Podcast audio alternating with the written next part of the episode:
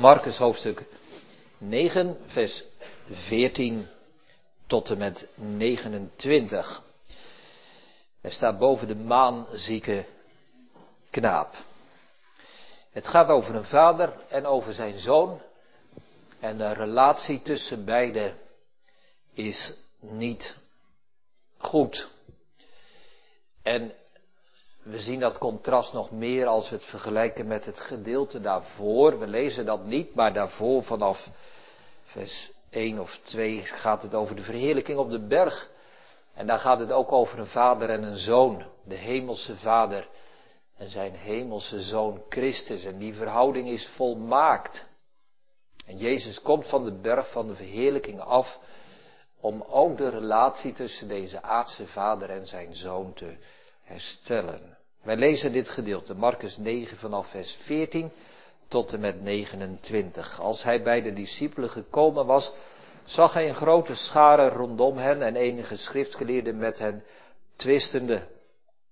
En terstond de hele schare hem ziende werd verbaasd. En toelopende groeten zij hem en hij vraagde aan de schriftgeleerden, wat twist gij met deze? Een uit de schare antwoordende zei, meester, ik heb mijn zoon tot u gebracht, die een stomme geest heeft. En waar hij hem ook aangrijpt, zo scheurt hij hem. En hij schuimt en knest met zijn tanden en verdort. En ik heb uw discipelen gezegd dat ze hem zouden uitwerpen en ze hebben niet gekund. En hij antwoordde hem en zei, o ongelovige slacht, hoe lang zal ik nog bij u zijn? Hoe lang zal ik u nog verdragen? Breng hem tot mij. En ze brachten dezelfde tot hem. En als hij hem zag, scheurde hem te stond die geest.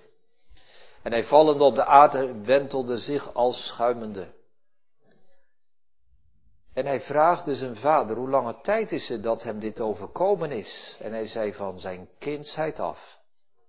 En menigmaal heeft hij hem ook in het vuur en in het water geworpen om hem te verderven. Maar zo gij iets kunt, zijt met innerlijke ontferming over ons bewogen en help ons. Jezus zei tot hem, zo gij kunt geloven. Alle dingen zijn mogelijk voor degene die gelooft. stond de vader van het kind roepende met tranen, zei, ik geloof, heren, kom mijn ongelovigheid te hulp. Jezus, ziende dat de schade gezamenlijk toeliep, bestrafte de onreine geest, zeggende tot hem, gij stomme en dove geest, ik beveel u, ga uit van hem en kom niet meer in hem. En hij roepende en hem zeer scheurende ging uit, en het kind werd als dood. Alzo dat velen zeiden dat het gestorven was. En Jezus hem bij de hand grijpende richt hem op, en hij stond op. En als hij in huis gegaan was, vraagde hem zijn discipelen alleen, Waarom hebben wij hem niet kunnen uitwerpen?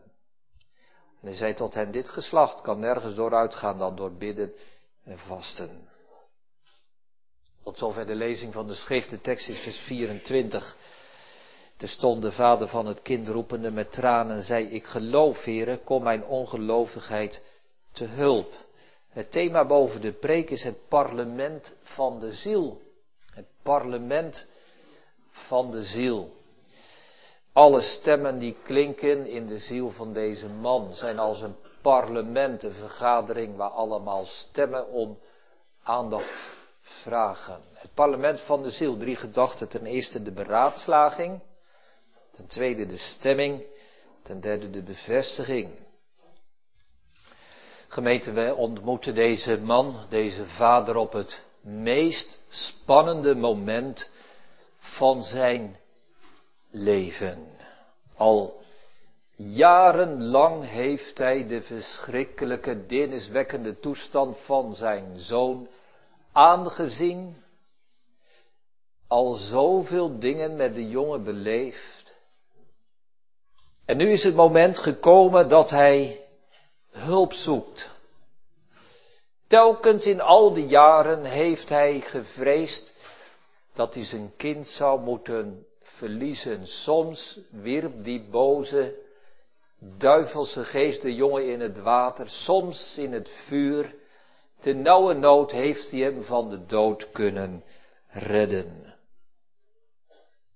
Maar er is wat gebeurd. De vader had de hoop niet volledig verloren. Hij had gehoord over Jezus en hij heeft besloten om zijn zoon bij Jezus te brengen. En op het moment dat we hem hier ontmoeten, heeft hij Jezus zelf nog niet gesproken, nog niet gezien, maar wel de discipelen. En de discipelen hebben hun best gedaan om die duivelse geest uit te werpen en ze hebben niet gekund. Wat moet de wanhoop en wat moet de angst het hart van die vader hebben vervuld? Wat een teleurstelling moet dit zijn geweest. De laatste strohalm die hij had, blijkt ook niet meer dan een strohalm. Want nog even, zeer als altijd, is deze jongen bezeten door een duivelse geest. Als we kijken gemeente naar de ziel, naar het hart van deze man, dan lijkt het daar wel een parlement, een vergadering, een bijeenkomst waar allerlei stemmen spreken. Er zijn stemmen die hem aansporen om zijn vertrouwen op Jezus te stellen. Geloof in zijn kracht en macht. Er zijn ook stemmen in zijn hart die hem waarschuwen en zeggen, wees toch wijzer. Je kunt er wel op hopen, maar het wordt alleen maar een teleurstelling. De ene zegt dit, de ander zegt dat. Hier klinkt een stem en daar klinkt een stem. Daar roept iemand, daar fluistert iemand. Alles door elkaar. Een parlement van de ziel. Dat thema heb ik boven de preek geschreven. Nou gemeente, we zien hier een beeld van onze ziel als wij geloof kennen. We zien er ook een beeld als wij tot geloof komen. Allebei de dingen, ik noem ze allebei. Dit is niet maar iets voor één moment, wat daarna nooit meer terugkomt. Maar zo begint het, zo gaat het voort. Parlement van de ziel. Er is wellicht een stem in jouw leven, in uw leven, die zegt, ja, maar je kunt helemaal niet geloven. Het kan niet. En daarnaast is er een stem die zegt, maar er staat wel in de Bijbel, geloof in de Heer Jezus Christus. is misschien een stem van binnen die zegt, ja, maar jij moet wel meer jouw zonde voelen. Anders kan het nooit echt zijn. En er is wellicht een stem die zegt, jij, zondaar, denk je dat jij een geschikt voorwerp bent voor genade? Nou, als dat zo was, was het wel anders in jouw leven. Jij bent niet heilig genoeg. De ene stem zegt, ja, maar jij mag helemaal niet geloven als je niet bekeerd bent. En de andere stem zegt, ja, maar Jezus is toch gekomen om te zoeken en zalig te maken wat verloren was. Nou, zo klinken die stemmen door elkaar.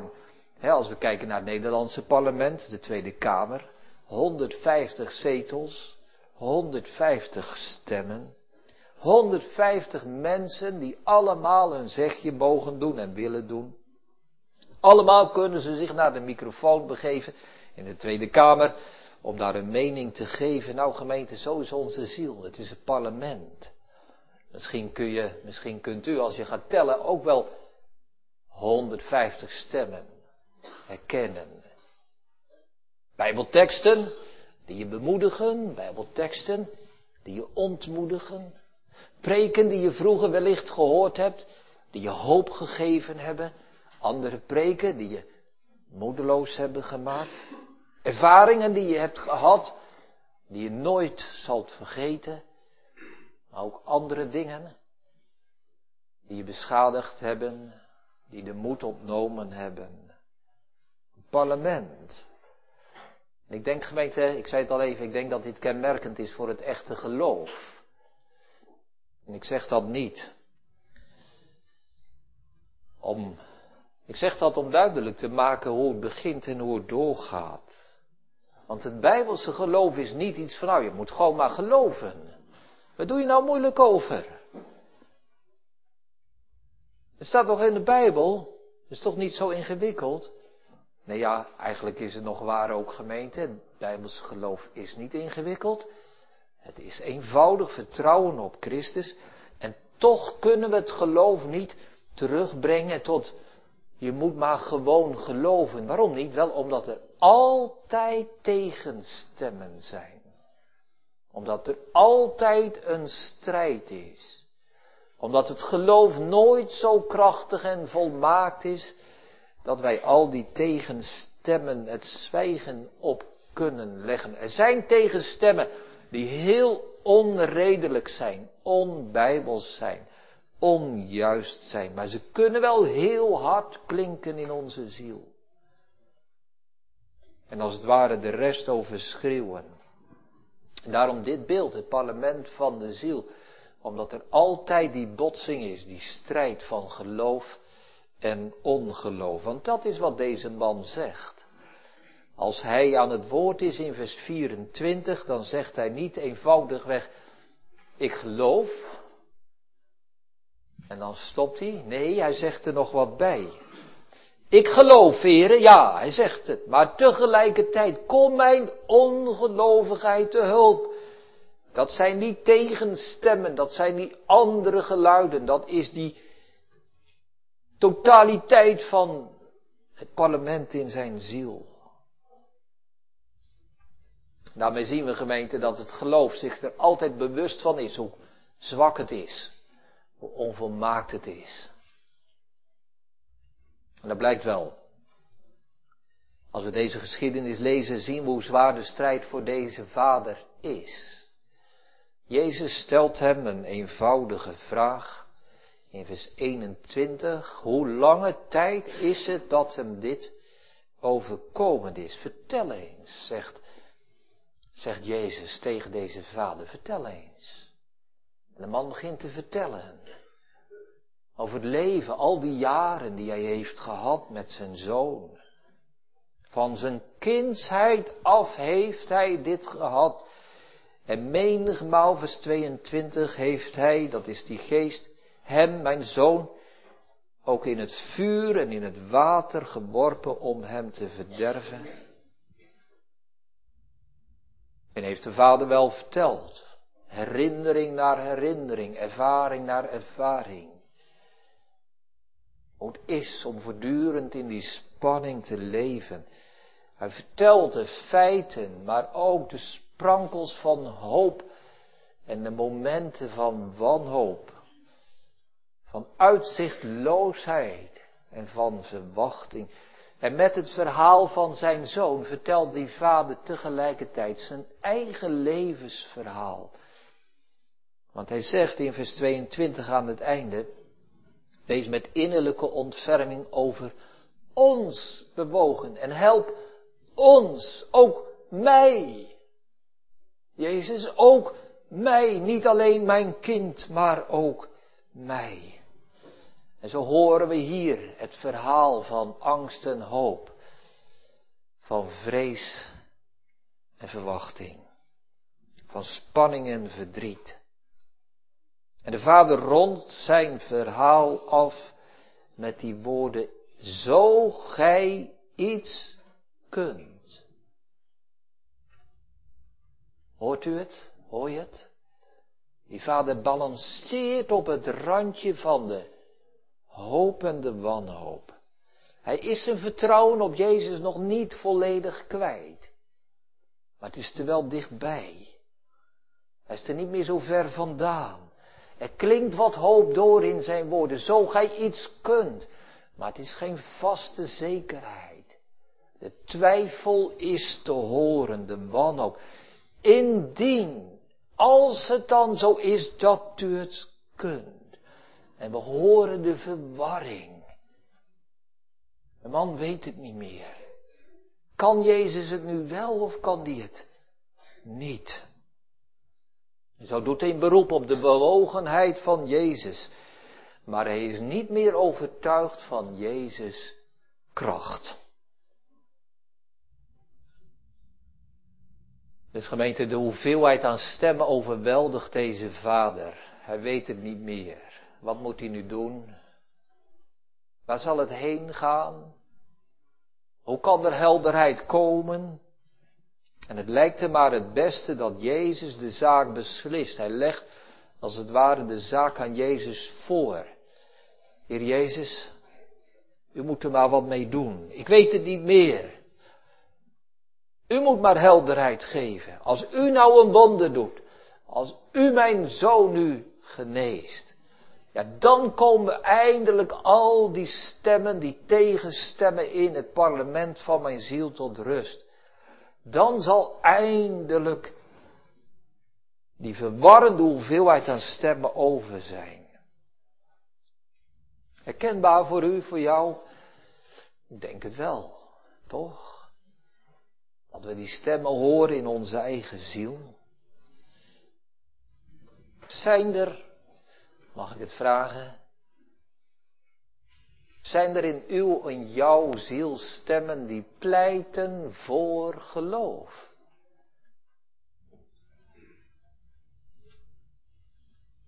Zijn er stemmen die pleiten tegen geloof? Ja, vast ook wel.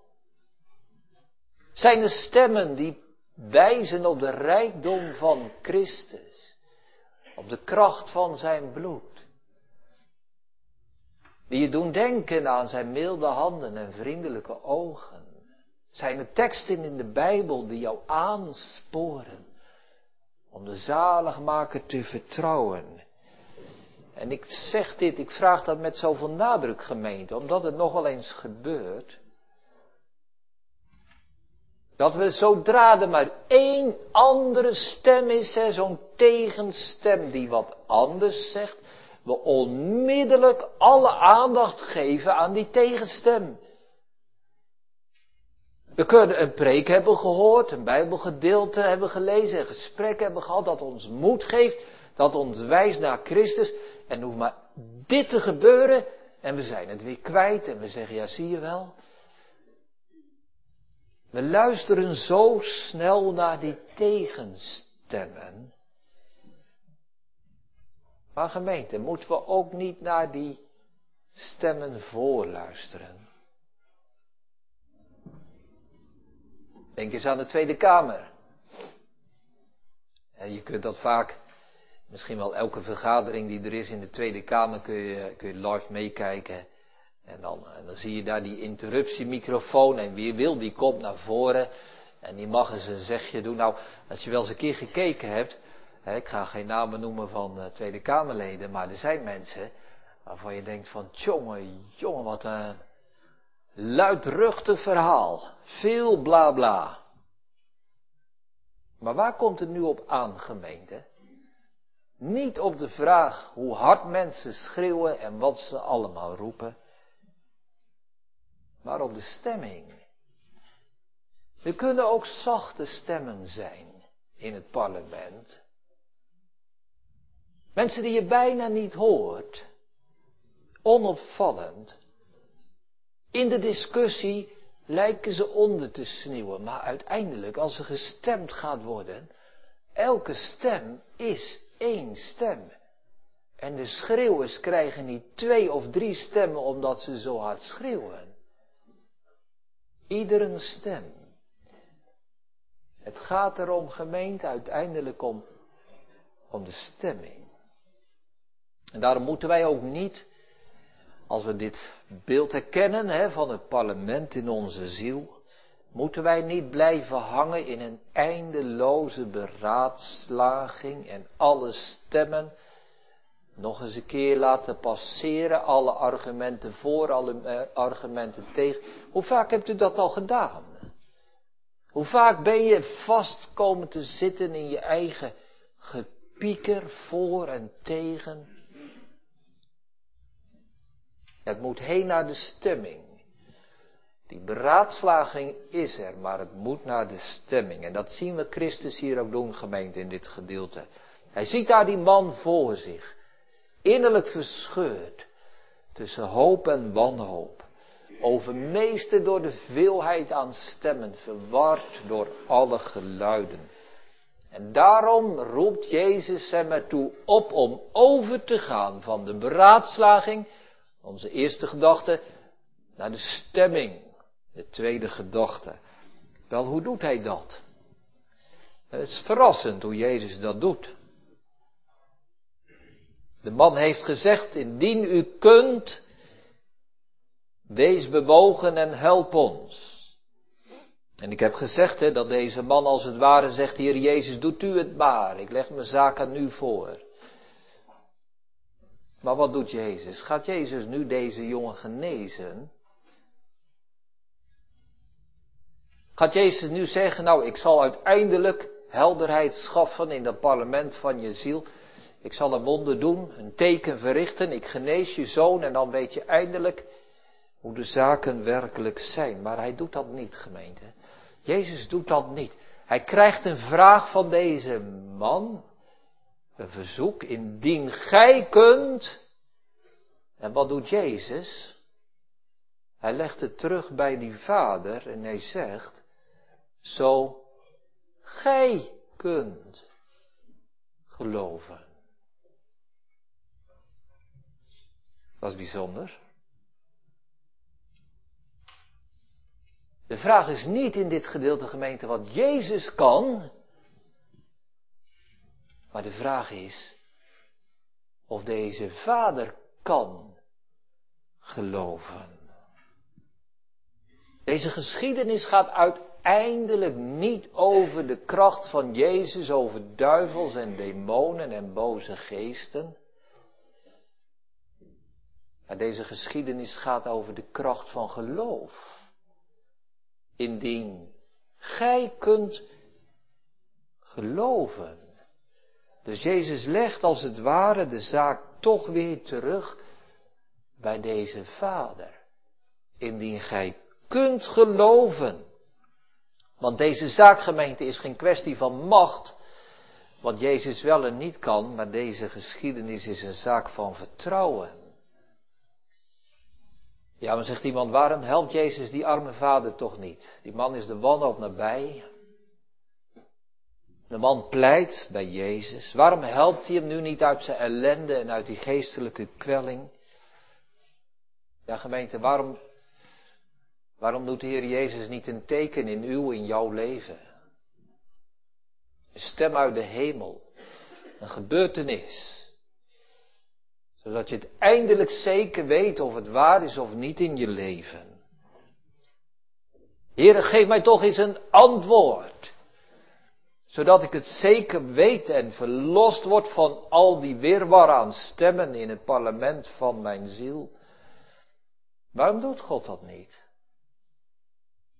Want hij legt de vraag bij ons terug, indien gij kunt geloven Geloven, gemeente, gaat aan de redding vooraf. Eerst gaat deze vader geloven.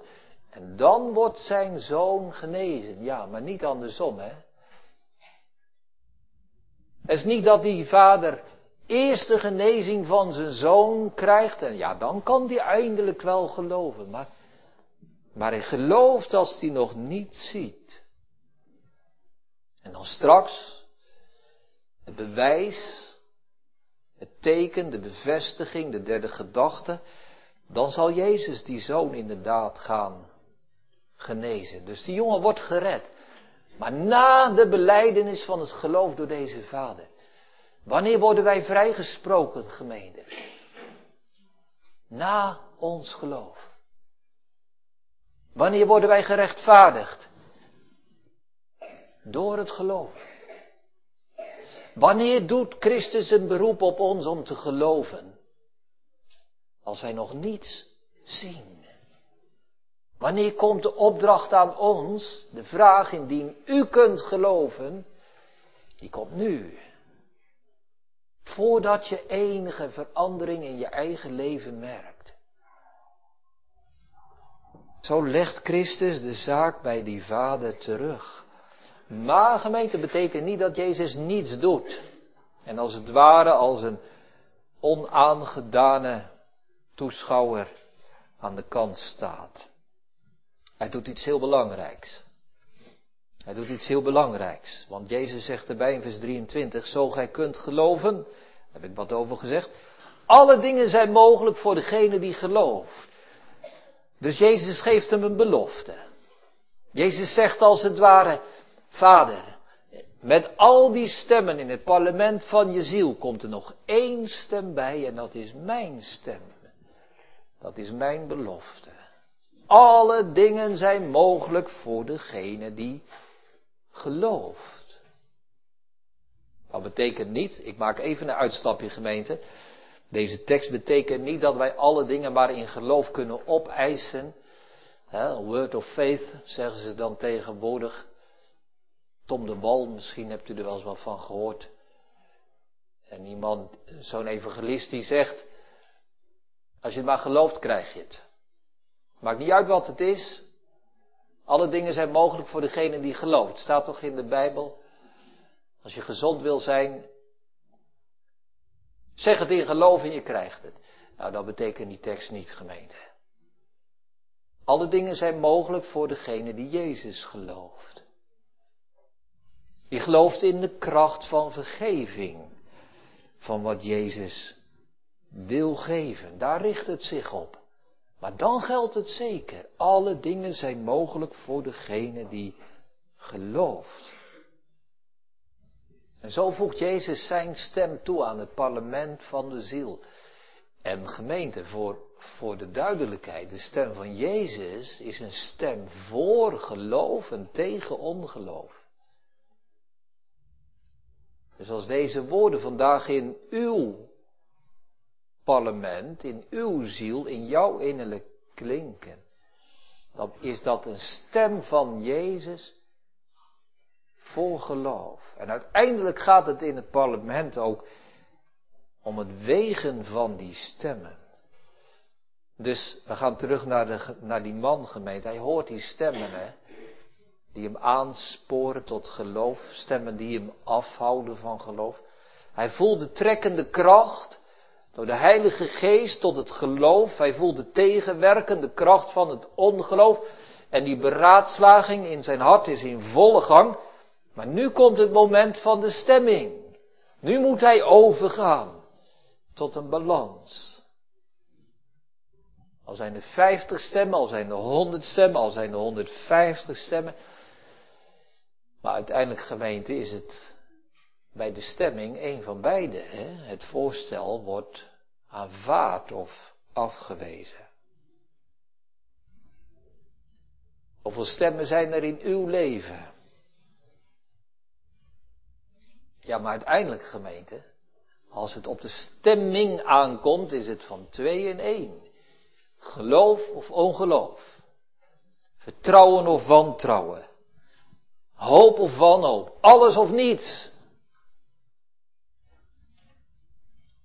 Moet deze vader dan niet eerst al die tegenstemmen tot zwijgen brengen? Moet hij geen antwoorden hebben op alle stemmen en tegenwerpingen die in zijn ziel naar boven komen? Moet hij niet alle argumenten klaar hebben voordat hij kan overgaan tot de stemming? Nee, gemeente, dat hoeft niet. Het hoeft geen unanieme stemming te zijn als het maar de meerderheid is. Dat zien we dan ook gebeuren, hè. We zien het terug in de woorden van de Vader. Ik geloof, heren. Dat is de stemming. Kom mijn ongelovigheid te hulp. Er zijn nog steeds tegenstemmen. Het is geen unanieme stemming. Hij heeft niet alle antwoorden. Hij heeft niet alle tegenstemmen tot zwijgen gebracht. Hij weet ook niet hoe hij alle tegenwerpingen moet weerleggen. Maar één ding weet hij uiteindelijk alles overziende. Ik geloof. Ik geloof. Zo hoeft er bij ons ook niet gemeente. Je hoeft niet vanmorgen alle tegenstemmen en alle verwijten en alle ongeloof uit te schakelen voordat je mag geloven. Dat lukt niet eens. Maar je mag de woorden van de Vader naspreken. Ik geloof Kom mij in mijn ongeloof toch te hulp. Nou gemeente, als dan, als we kijken naar het parlement in onze eigen ziel, hè. We hebben de beraadslaging gehad. We horen de stemmen. De stem van Jezus heeft zich daarbij gevoegd. Als we nu overgaan naar de stemming, wat zal de uitslag zijn? Mijn taak als predikant is niet om nu al die tegenstemmen en verwijten langs te gaan en die te beantwoorden en op te lossen. Ik dacht misschien gebeurt dat wel te vaak in de preek. Ik weet het niet, maar dat best kunnen dat sommige dominees zoveel aandacht geven aan alle bezwaren die er zijn tegen het geloof. Ja, dat weet ik gemeente. Ik ken ze wel. Alle bezwaren. Maar uiteindelijk is het mijn taak niet om de bezwaren te benoemen. Laat staan om er nog wat bezwaren aan toe te voegen. Maar mijn taak is om u te bewegen tot het geloof. Om u te brengen tot die stemming. Want uiteindelijk gemeente, al die aandacht voor die bezwaren en die tegenstemmingen voor het ongeloof brengt je niet verder. Ik kan wel een bezwaar bespreken en weer leggen, maar dan komt er nog weer een nieuwe bij. En we zouden het parlement van 150 zomaar kunnen uitbreiden naar 200, omdat er nog weer nieuwe argumenten en nieuwe bezwaren zijn. Maar dat ga ik niet doen. Ik geef u één extra stem om te geloven. De stem van Jezus. Alle dingen zijn mogelijk voor degene die gelooft. Die zich toevertrouwt aan de kracht van Jezus. Nou gemeente, daar staat die man, die vader. Wat gebeurt er? Voelt hij zich teleurgesteld? Voelt hij zich afgewezen omdat Jezus niet, niet echt ingegaan is op zijn roep, indien gij kunt? Nee gemeente, er gebeurt wat opvallends. Onmiddellijk, terstond zegt vers 24, onmiddellijk weet die man het antwoord. Ik geloof. Hij hoefde er eigenlijk niet eens lang over na te denken. Met krachtige beslistheid en met diepe emotie, met tranen in zijn ogen, roept hij uit, ik geloof. Die beslissing, gemeente, komt voor hem als een opluchting, als een bevrijding, als een doorbraak. Als Jezus die woorden spreekt, Vader, indien u kunt geloven, dan voelt hij zich niet aangevallen, maar dan wordt deze vader geholpen. En het komt tot een stemming en het komt tot een doorbraak. Eindelijk, eindelijk is hij verlost van die eindeloze beraadslaging en van dat vermoeiende gepieker. Uiteindelijk gemeente is het voor die vader helemaal geen moeilijke keuze. Hij gelooft. Ik geloof, zegt hij. Hij stelt zijn hoop op Christus. En al die tegenstemmen, die brengt hij niet tot zwijgen, dat lukt hem niet eens. Maar hij laat zich niet langer meer afleiden en misleiden door al die stemmen en hij richt zijn oog op de redder en zaligmaker Jezus. Ik geloof. Ik vertrouw mij en mijn kind aan u toe. Aan uw ontferming, aan uw macht. En dit is de uitweg gemeente, de enige uitweg ook voor ons. Als wij ons geschud voelen tussen geloof en ongeloof, tussen wanhoop en hoop, tussen vrees en angst, Stop er nu eens mee om al die stemmen nog een keer aan het woord te laten. En nog een keer te luisteren. Dat heeft ons nooit verder gebracht. Zal het nu ook niet doen. Waarom blijf je, waarom blijft u zo lang azelen en talmen? Als Jezus zegt, indien u kunt geloven, alle dingen zijn mogelijk voor degene die gelooft. En daarom volg het voorbeeld van deze vader. Je hoeft de kracht van die weerstand niet te onderschatten hoor. Je hoeft niet klein te denken over het ongeloof. Zeker niet.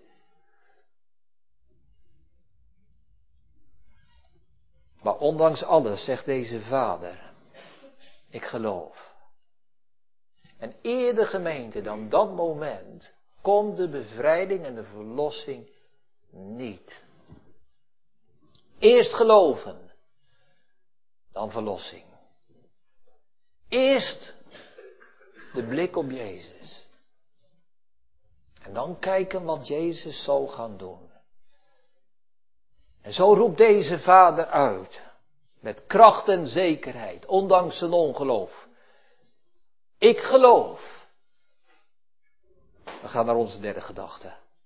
De bevestiging. We hebben ten eerste de beraadslaging gezien, ten tweede de stemming en nu de bevestiging. Nu gaat Jezus doen waar deze vader naar verlangt. Hij geneest deze zoon.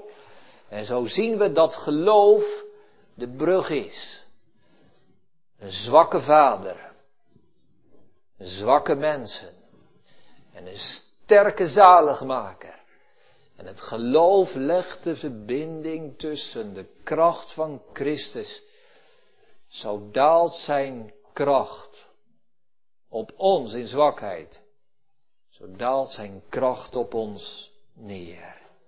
Ik geloof, zegt die vader. En dan, wel gemeente, dan gaat Jezus die belofte waarmaken. Want hij had wat gezegd. Hij had gezegd, alle dingen zijn mogelijk voor degene die gelooft. Niet omdat het geloof van die man zo sterk is, maar omdat Jezus zo sterk is. Omdat Hij kan en wil en zal. Dat geloof legt die verbinding. Indien u kunt, indien u bewogen bent, ja hij kan het en ja hij is bewogen. En zo spreekt Jezus zijn machtswoord uit. Hij bestraft de onreine geest en hij gebiedt hem om de jongen te verlaten. Gij stomme en dove geest, ik beveel u, ga uit van hem en kom niet meer in hem. En die duivels die werpen de jongen op de grond en de omstanders die rapen hem voor dood op. Alzo zegt vers 26 dat velen zeiden dat het kind gestorven was. Was het kind werkelijk dood? Of was hij alleen bewusteloos? In ieder geval gemeente, het staat er niet voor niets. Hij ziet eruit als een dode en Jezus richt hem op. Hij richt hem op en hij stond op. Er staan daar twee woorden die we kunnen vertalen met opwekken en opstaan. En allebei de woorden wijzen heen naar de opwekking van Jezus en de opstanding van Jezus zelf uit de dood. Dus Jezus toont hier al voor zijn eigen opstanding dat hij de kracht heeft om de dood te overwinnen. Zelfs als deze jongen dood is, zelfs als wij dood zijn, is dat voor Jezus geen belemmering. Jezus zegt het in Openbaring 1. Ik ben dood geweest en zie, ik leef en ik heb de sleutels van de hel en van de dood. Ik ben de opstanding en het leven. Johannes zelf. Wie mij gelooft zal leven, al was hij ook gestorven. Gemeente, wat uw, wat jouw toestand ook is. Al ben je dood. Het is voor Jezus geen belemmering. Hij spreekt zijn woord en het gebeurt. Ik geloof, zei die vader. Jezus deed het. Want alle dingen zijn mogelijk voor degene die gelooft. Ik ga afronden.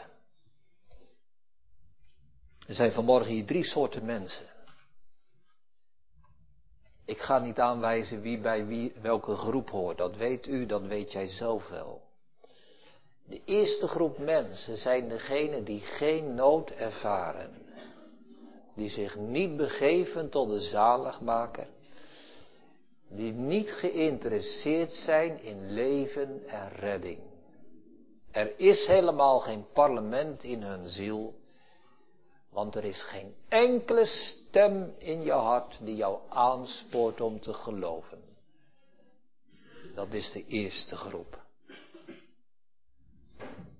De toestand is in Bijbels licht glashelder. Wie niet gelooft, Johannes 3, is al reeds veroordeeld. De tweede groep van mensen. Er zijn ook mensen die blijven steken in de beraadslaging. Die tobben en piekeren en borstelen.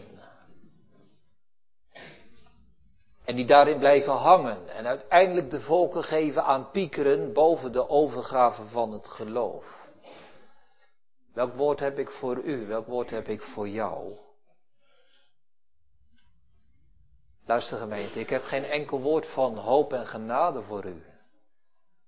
Zolang je blijft hangen tussen geloof en ongeloof. Als u, als jij een bemoedigend woord wilt hebben buiten Christus om, krijg je het niet. En dat is niet gemeend omdat ik hard ben vanmorgen, maar omdat Christus zo spreekt. Zolang wij blijven azelen, buiten Christus ontvangen wij niets. Jezus zag de radeloosheid van die vader wel, maar hij wachtte tot die man geloofde. En zo is het ook bij ons. Dat is de tweede groep van mensen. Er is nog een derde groep. Er zijn die mensen die de woorden van de Vader naspreken en zeggen, ik geloof. Kom mij in mijn ongeloof te hulp. En voor die mensen geldt wat voor deze man gold. Zij zijn verlost.